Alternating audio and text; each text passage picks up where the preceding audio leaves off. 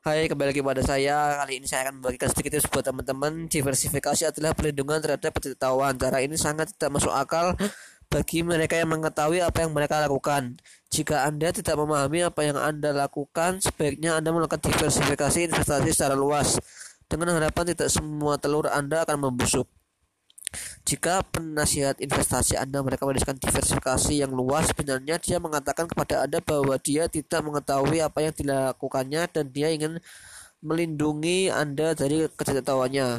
Warren mengetahui apa yang dia lakukan sehingga dia lebih suka mengonsentrasikan investasinya kepada beberapa telur yang dipilih dengan hati-hati dan dia mengawasinya seperti seekor elang. Inti dari permainan di Wall Street adalah mengendalikan aset Anda lalu memerah komisi dari Anda.